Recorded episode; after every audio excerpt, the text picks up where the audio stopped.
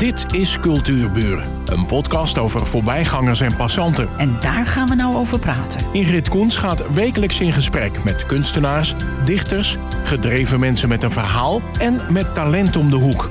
Vandaag gaat ze in gesprek met Rijn Pastoor. Ik heb je cv gelezen. Ja. Ik ga hem niet voorlezen, want zijn, dan is het gewoon voorbij. De hele, hele uitzending voorbij. Ik ga er even kort doorheen en val me in de reden. ja, dat is goed. Je kreeg je opleiding aan de Hogere Hotelschool in Leeuwarden. Klopt. Waar ben je dan geboren? Harderwijk. Oh, wat doe je dan hier? Ja, vanwege de liefde. Oh, wat lief. Ja, zo, gaat goed. dat, hè? Ja. Heerlijk met dat. eh, ja, dat vind ik een goede reden. ja. Je bent gediplomeerd finoloog. Ook nog, ja. En ehm, SVH-leermeester. Dat was leuk. Ik dacht, nou, dat zoek ik op. Hè? Ja, ja, ja, ja. En overal staat, ehm, je kunt SVH-leermeester worden in, eh, in een korte cursus en in een lange cursus Ja, en in een ja. dure cursus. Maar wat SVH nou betekent, staat er nergens bij. Wat is dat? eh, Stichting Vakschool Horeca of zo? Zo. Oh ja, nou valt het op zijn eh, plaats. Nou valt ja. het op zijn plaats. Dus het zijn allemaal ook ja, cursussen die specifiek voor de horeca worden gegeven. Je kan er ook een wijncursus volgen of iets dergelijks. Ja, nou is het me duidelijk. Eh, je hebt bovendien een enorme staat van dienst. Als ik gelezen heb in die cv, maar ik kan het wel opgenomen. Eh, Kun je er zelf iets meer over vertellen? Ik moet nog even wat voor die tijd vragen, want ik, zo- ja, ja, ik dacht, is het nou een tikfout? Eh, je bent in 75 geboren. ja, ja. En op je cv staat bij werkervaring... sinds 1979 werkzaam in horeca, Ja. cafés, Ja. restaurants, club, catering, Ja, evenementen en hotels. Dan was je, als ik, ik kan niet rekenen hoor, maar dan was je vier. Oh, staat dat recht? Ja, Nee, nee, ik ben op mijn dertiende, veertiende begonnen inderdaad. eh. oh, dat is wel vroeg. Ja, dus dat is wel vroeg inderdaad. Maar eh, nee, mijn mijn ouders hebben geen, komen niet uit de horeca. Dus het is niet zo met... eh, de rest, veel familie van me wel. Maar eh, nee, ik ben... nee, is wel vroeg begonnen, maar nog niet als, eh als ukkie, zeg maar. Kun je ons even snel door je loopbaan heen En praten? door mijn loopbaan. Want het is gigantisch wat je gedaan hebt. Ja, ik heb eigenlijk alle, eh, alle facetten van de horeca heb ik eh, intens beleefd, zeg maar. Eh, ooit begonnen in de afwas, zeg maar, wat veel mensen dan doen. Toen in de, in de keuken mocht ik helpen borden klaarzetten en desserts en dergelijke. Maar die keuken, dat, dat, vond, dat was niet helemaal mijn ding. Ik was veel meer, de voorkant trok mij veel meer met, met gasten omgaan. Lekker praten. Nou, toen ben ik eh, achter een buffet gekomen als drankuitgifte. En toen in de bediening gerold. En toen kwam ik, eh, dat viel voor mij alles op zijn plek, zeg maar. Eh, toen ja, in mijn tienertijd heel veel bijbaantjes gehad. Echt in van alles en nog wat. In Leeuwarden. Nee, dat was in Harderwijk allemaal. Oh, Ja. Dus dat eh, op de mooie boulevard van Harderwijk bij het Dolfinarium. Er waren altijd gigantisch veel toeristen kwamen. En dan in de winters werkte ik in partycentra of, of in de cafés achter de bar. Ehm, op een gegeven moment heb ik mijn VWO afgerond, afgerond. En toen was het logisch om, om naar de universiteit te gaan. En zeker de school waar ik op zat, werd het eigenlijk wel, eh, die kant werd je wel opgepraat. En ik had zoiets, ja, wat moet ik? Zat er twijfel tussen rechten en psychologie van die hele doorsnee studies. Ik denk, nou, ik moet gewoon hart volgen. Ik moet gewoon die hotelschool gaan doen. Ik weet nog dat ik dat tegen mijn, mijn decaan zeg. Ik zeg, ik ben er helemaal uit. Ik wil, je weet wat ik ga doen? Ik ga hotelschool doen. Toen zei hij, oh, maar dat is HBO. Ik zeg, ja, dat is HBO. En ik heb er geen dag spijt van gehad. En eh, ja, het is nog steeds eh, een enorme passie van me, de horeca en alles wat ermee eh, mee te maken heeft. kan je koken? Ik kan ook koken, ja, zeker. het, het schijnt, ja, mijn kinderen zijn heel blij met mijn kookkunsten. Dus nou, dat gaat wel goed. Ja. Goed, gaan we even door. Ik heb gezien, ik heb het niet eens meer meegenomen, maar Golden Tulip, Rich in Alkmaar. Ja, ja. En Ja, er zitten er nog een heleboel tussen. Ja, eh, de, waar ik me de laatste jaren meer, eh, vooral op geconcentreerd heb... is Golden Tulip Hotel, wat ik samen met mijn vrouw eh, gerund heb... Tot, tot begin 2019. En waar was dat in? Dat is in Alkmaar, bij, bij de rotonde bij het Oh ja, Assetstadion. ja, ja, ja, Ja. dat ken ik. Maar daarnaast ben ik enorm bezig geweest met, met netwerken, met, met ondernemen. Met, ja, werd ik gevraagd om workshops te geven, zulke soort dingen. Dus ja, Maar wel allemaal op het gebied van de horeca. wel allemaal op het gebied van horeca, maar dan vooral vaak specifiek op eh, het gebied van gasvrijheid, zeg maar. eh. ja. Ja, want je noemt jezelf een eh, expert in gastvrijheid en een professionele wekker. Ja. Leg eens uit. Nou ja, volgens, ik, ik weet niet hoe je dit ooit gezegd heeft. Volgens mij was het Einstein die zei: als je iets 10.000 uur doet, dan mag je jezelf expert noemen, zeg maar. En ik heb uitgerekend dat ik inmiddels ja, meer dan 30.000 uur in de horeca heb doorgebracht. Dus ik mag me oprecht een expert in gasvrijheid Ja, eh, noemen, ja. zeg maar. Ja, een professionele wekker, eh, dat is ook een beetje met een knipoog naar de hotellerie natuurlijk, eh, de wake-up call. Maar ik, ik vind het leuk om mensen een beetje wakker te schudden. Om, zeker als ik een workshop geef, om mensen een beetje op het andere been te zetten. Dat doe ik ook wel in mijn, in mijn gedicht af en toe. eh. Ehm, ja, dus op die manier professionele wekker. En wat doe je nu? Nu doe ik niks. ik zit hier bij jou gezellig. Lekker aan de, aan de thee. Helemaal goed. nee, het is, het is ja, ik, ik, ik, eh, zal jullie niet verbazen. Dit is gewoon een hele lastige periode voor de horeca, zeg maar.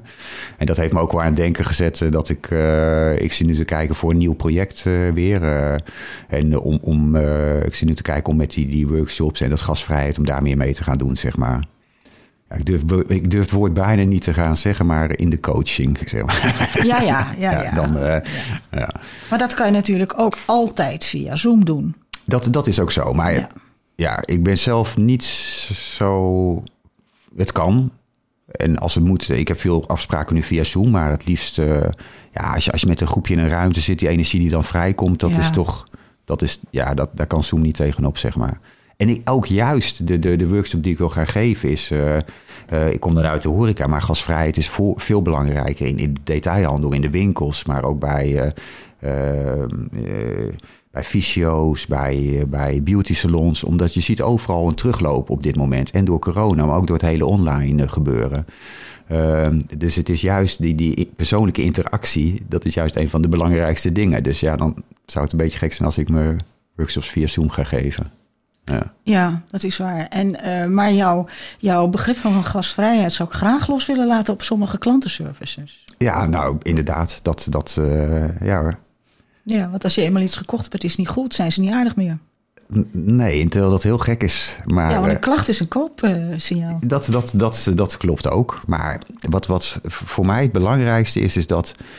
Eh, wat ik probeer, ik, ik probeer niet een bedrijf beter te maken of, of, of een hele structuur of een heel, al hun standards die ze hebben beter te maken. Maar ik probeer echt de personen die de werk probeer ik beter ja, te maar maken. die moet het ook maken. En zo is het. En, en als jij je beter in je vel zit, als jij je beter voelt, dan ben je aantrekkelijker voor, voor de gast of voor de klant, eh, zeg maar.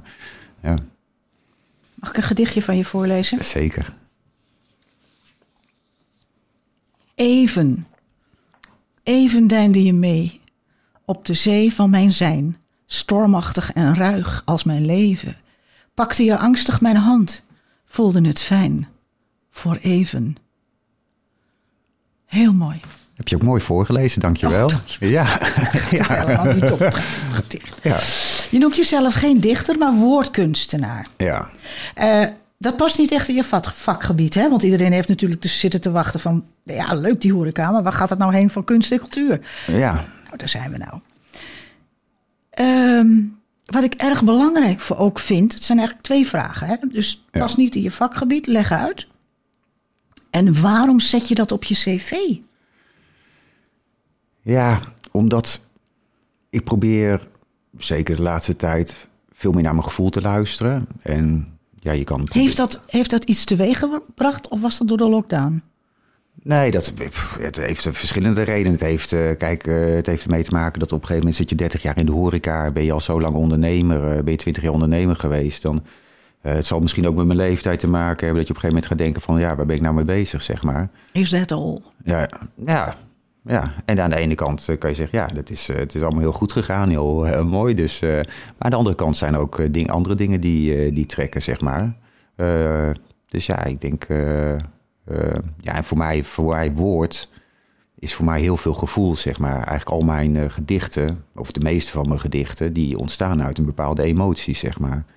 Kijk, en ik schrijf natuurlijk ook gedichten in opdracht bijvoorbeeld, of aan de hand van een thema. En dat is, Hoe bedoel je dat? Eh, opdrachten? nou bijvoorbeeld met, eh, met het eh dichterschilden of met eh dichterskring. Dan heb je bijvoorbeeld af en toe dat er een bepaald thema is. Dus laatst eh, werden we uitgenodigd om een gedicht over de Waagplein te schrijven. Dat, dat doe ik dan ook, maar ja, het is, voor mij is een, een gedicht fijner is als je hem gewoon vanuit emotie schrijft, zeg maar. Ja.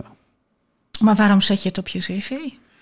Op een cv, ja, omdat, omdat het ook iets is waar ik meer mm, mee bezig ben, zeg maar. Ik ben meer aan het schrijven. Ik ben, uh, onlangs heb ik een boek uh, geschreven. Uh, ben nu met een tweede boek ben ik bezig. Dus ja. Daar wil ik even meer over. dat Want dat heb ik, niet gevonden op internet. Nee, heb ik niet gevonden. Nee, maar dat eerste boek, ja, dat was voor mij een, meer als leerproces. Een boek voor, me, voor mezelf, als het ware. Dus wie weet wat er ooit nog een keer mee gebeurt. Maar, Is het te koop? Nee, nee, nee. Ik heb er niks mee gedaan. Nee. Oké. Okay. Nee. Vertel, dan wil ik er wel meer ja, over weten. Ja, dat dacht ik al. Dat dacht ik al. ja. Dus uh, nee, het, het, is een, het is een, een, een, uh, ja, een boek wat, wat, wat gaat over relaties, over liefde. Eigenlijk, eigenlijk, Autobiografisch? Nee, het is niet autobiografisch. Maar weet je, uiteindelijk is elk boek autobiografisch. Altijd natuurlijk. Als je kijkt naar, uh, wat zat ik over na te denken. Kijk, als je kijkt naar Harry Potter, zeg maar. Dat zijn natuurlijk hele fictieve figuren. Maar uiteindelijk die figuren die beschreven worden. Dat zijn toch figuren die zij in haar omgeving heeft leren kennen. Want allemaal karakters. Allemaal karakters zijn het. Dus wat dat betreft zal elk boek autobiografisch zijn. Maar dit is, dit is echt uh, fictief, zeg maar. Is het een roman? Ja, het is een roman. Dus ja. het is echt een verhaal? Ja, het is echt een verhaal. En kun je er iets over vertellen? Uh, We lezen het toch niet? Nee, nee, wat, nee, wat goed. Nee, het, het gaat uiteindelijk uh, over een man die, uh, die denkt dat hij alles bereikt heeft. En dan op een gegeven moment wordt zijn leven omgegooid omdat hij uh, een relatie krijgt met een andere vrouw. Waarbij die andere vrouw een ongeneeslijke ziekte krijgt. Dat is heel kort samengevat het verhaal. Dat Eigenlijk is... best wel verdrietig verhaal ook. Ja. ja. Maar ik kan me zo voorstellen dat het is een ingrijpend verhaal. Ja. Dat zo'n verhaal je leven verandert. Dat je meer gaat denken. Nou, dat, dat, dat valt op zich wel mee. Want je, ja. moet, je moet dat toch beschrijven als er iemand ziek wordt in een, in een verhaal. Ja, ja. Want een nieuwe liefde is over het algemeen positief. Ja, ja. Ook al, ook al strookt dat niet met de rest van je leven. Maar als dan die enige liefde ziek wordt... Nou, dat is niet zo'n zo eenvoudig onderwerp. Nee, is niet eenvoudig, maar uh, door erover te schrijven, of ook bijvoorbeeld door een heel emotioneel gedicht te schrijven, kan je ook weer bepaalde gevoelens van je afschrijven, zeg maar. Durf je ons zo'n gedicht voor te lezen? Zo'n heel gevoelig gedicht? Ja hoor. Ik denk trouwens dat gedichten die geschreven zijn naar emoties, als, je, als ze goed vallen, want het is natuurlijk een kwestie van uh, zenden en ontvangen. Ja. Dan kan een gedicht altijd, is een gedicht altijd emo, emotioneel. Ja, ja, ja. Um, Oké, okay, nou, ik zal deze voorlezen. Het is gedicht zonder titel is het. Soms wil ik alleen nog maar mijn ogen sluiten. In jouw armen de hele wereld voorbij laten gaan. Als het landschap vanuit een stiltecoupé gezien slapend met mijn hoofd tegen het raam en beeld voor beeld mij verder brengt, zonder te bewegen en zonder te begrijpen waarom jouw lichaam voelt als de mooiste plek op aarde, om het hoofd te laten rusten, niet na te denken over de volgende stap op een vastgesteld pad, slechts mij volmaakt gelukkig voelen om de gedachte nooit meer wakker te worden. Oh, dat begrijp ik zo goed. Ja, ik denk dat het ook wel past voor deze tijd waar we in leven, zeg maar. Uh, een tijd waarin je heel erg geleefd wordt, als het ware. En dat, dat iedereen, denk ik, af en toe wel eens verlangt naar een bepaalde rust. Dat is het, denk ik.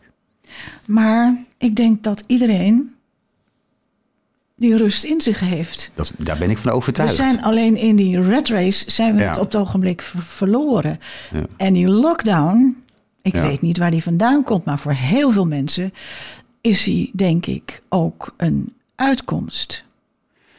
Dat begrijp ik ook helemaal wat je zegt en dat ben ik met je eens. Alleen, daar heb ik wel over nagedacht en dat, dat, aan de ene kant is dat ook wel zo. Alleen dan zou het wel helpen als, als het ook meer zo gebracht wordt. En ik denk dat nu heel veel aangestuurd wordt op basis van angst, zeg maar. En angst is nooit een goede raadgever. En ik zou meer, veel meer voorstander van zijn om aan te sturen op hoop. Want uiteindelijk, ja, het is, het is inderdaad een mooi moment voor reflectie, ook naar jezelf. Maar gebruik het dan ook om, voor een bepaalde hoop dat het straks beter gaat worden. Ja, ik geloof dat een mens alles in zich heeft. Maar dat hij meer naar zichzelf moet luisteren. En mijn oma, mijn, Ja. oh, ik had zo'n geweldige wijze oma. Ja. Die zei altijd: Kind, je moet tevreden zijn met wat je hebt. En ook in een tijd Ja, als een, als een lock- lockdown en, en misschien eenzaamheid, ja, ja. dan ja. denk ik dat je toch kunt bedenken: maar kijk eens wat ik heb. Ja, En dan zouden we, denk ik, allemaal automatisch weer een beetje hoop krijgen. ja, dat heb je heel mooi gezegd. Dankjewel. ja, eh, je hobby's die zijn nu ook, staan ook natuurlijk op eh, 0,0. Ja, dat is, eh, dat is echt, eh, ja, die, dat, wat je zegt, die lockdown, dat is, eh, ik ben gek van eh, menselijke interactie en eh, gezellige dingen doen met vrienden. En eh, ja, dat, dat is allemaal heel lastig op het moment. Ja. Ja, want zo st- dat staat dan weer heel gezellig erin. Eh, Wining, dining, voetbal en hardlopen. ja. Maar dat wining en dining, hè, dat komt er niet van. Nee, dat zijn wel vaak de leukste momenten. Nou ja. Maar een mens wordt wel slim, hè? Want eh, bijvoorbeeld, ik ben alleen. Ik heb Ja. vrienden. Ja, Daar mag ik wel naartoe. ja, ja. Dus wat doe ik dan? Ik neem mijn eten mee. Ja, ja dat dan. Dus, Zij vinden dat zitten daarop te verheugen. Dus dan draai je de zaak om. En dan heb je toch een leuke avond. Ja, ja. En dan, ehm, wat was dat sabere door eigenlijk? Eh, gouden sabel, waar, is dat van? Komt dat uit de wijnwereld? Ja, het is, uh, Salvador is het, eh, dat is een genootschap, zeg maar. Ehm, en het sabreren, dat, dat is eh, dat je met een groot sabel een champagnefles openslaat, zeg maar. Waar de precieze herkomst vandaan komt, is niet bekend. Het schijnt eh, uit de tijd van Napoleon te komen dat ooit huzaren flessen champagne van Napoleon nog hadden gestolen. En terwijl ze op hun paard zaten, reden met hun sabels die flessen opensloegen en wild dronken aan de flessen. Ja. Nou ja, Ja, is- goed. Lijkt me een gezellige, gezellige groep. En dan ben je ook nog vrijwilliger voor Running Blind en voor Kika. Wat is Running Blind? Eh, Running Blind is iets wat ik een heel warm hart eh, toedraag sowieso. Dat is, het heeft met eh, mijn andere passie met hardlopen te maken. Running Blind is opgericht voor, voor blinden of heel slechtzienden die, zelf, die graag willen bewegen. eh, maar dus een buddy nodig hebben om, om samen mee te kunnen hardlopen. En Hoe ben je eraan gekomen? Ja, er stond een keer een, een oproep. Is dat in- hier in, in Alkmaar? Of Ja, ja, het is door het hele land, maar ook in Alkmaar. Ik zag een keer een oproep staan in de krant en ik denk van ja, daar werd ik door, door aangetrokken. Maar ik moet wel zeggen dat, eh, op dat, dat ik daar eh, eh, op dit moment niet meer doe, zeg maar. Waarom niet? Nou, dat op een gegeven moment... Ligt dat ook aan de situatie? nee, nee, dat ligt niet aan de situatie. Dat had er vooral mee te maken dat eh, op, een gegeven moment het vorige hotel, waar, wat we 18 jaar gehad hebben, zijn we toen in 2019 mee gestopt. Toen heb ik even een paar maanden rustig aangedaan. En toen heb ik eigenlijk al eh, heel veel dingen om me heen, ook qua netwerkdingetjes en eh, ook qua vrijwilligerswerk, heb ik even op een laag pitje gezet, zeg maar. Ik vraag me alleen af. eh, ik neem aan dat ze altijd vrijwilligers kunnen gebruiken. Zeker, zeker. Running Blind. Ja. Zoek het even op. Is vast te vinden op internet. Hoe doe je dat dan? Ehm, er loopt iemand naast je en jij hebt een, een koord in je handen. En eh, ja, jij houdt alle twee het einde van het koord. Het was eigenlijk net zo'n zo'n eh, lintje wat je vroeger met gimmel had, zo'n eh, rood lintje. Ja, ja, bergbeklimmers. Ja, Ja. ja, als het ware. Ja, het En is, ja, dat, dat lijkt me toch wel heel spannend. het is heel spannend, maar het is wel, ja, het is echt bijzonder mooi, mooi om te doen, zeg maar. Ja, en ik heb een keer met mijn, met mijn buddy Linda hebben een keer een loop, een 10 kilometer loop door het centrum van Amsterdam gedaan. Wauw. En dat is wel, dan, eh, wat, dan ben je geneigd om om je heen te kijken. Maar Ja. je moet heel goed op alle drempels en alle, Bukken. ja, vooral drempels en eh, opritjes, afritjes, eh, die eh, railsen van de Tram, tram, en ja. zulke soort dingen. Dus ja, je moet heel goed opletten. ja. Dan wordt het een avontuur, hè? Het is, ja, Ja. dat is ook mooi toch, een avontuur. En je doet nog, doe je nog iets voor Kika?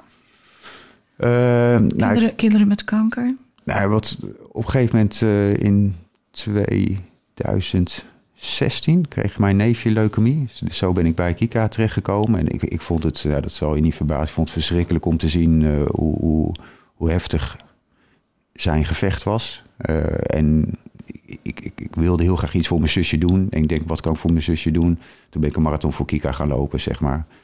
Eh, dus dat was in 2016. In 2019 heb ik er nog eentje gelopen. En het liefst had ik er vorig jaar nog eentje gelopen. Maar ja, dat ging allemaal niet door. Dus we zien het wel. Maar wat, wat bereik je dan? Eh, Levert dat geld? Ja, het is geld, eh, gewoon geld ophalen. En dat zou je mensen willen aanraden om dat soort eh, dingen toch wat meer te gaan doen.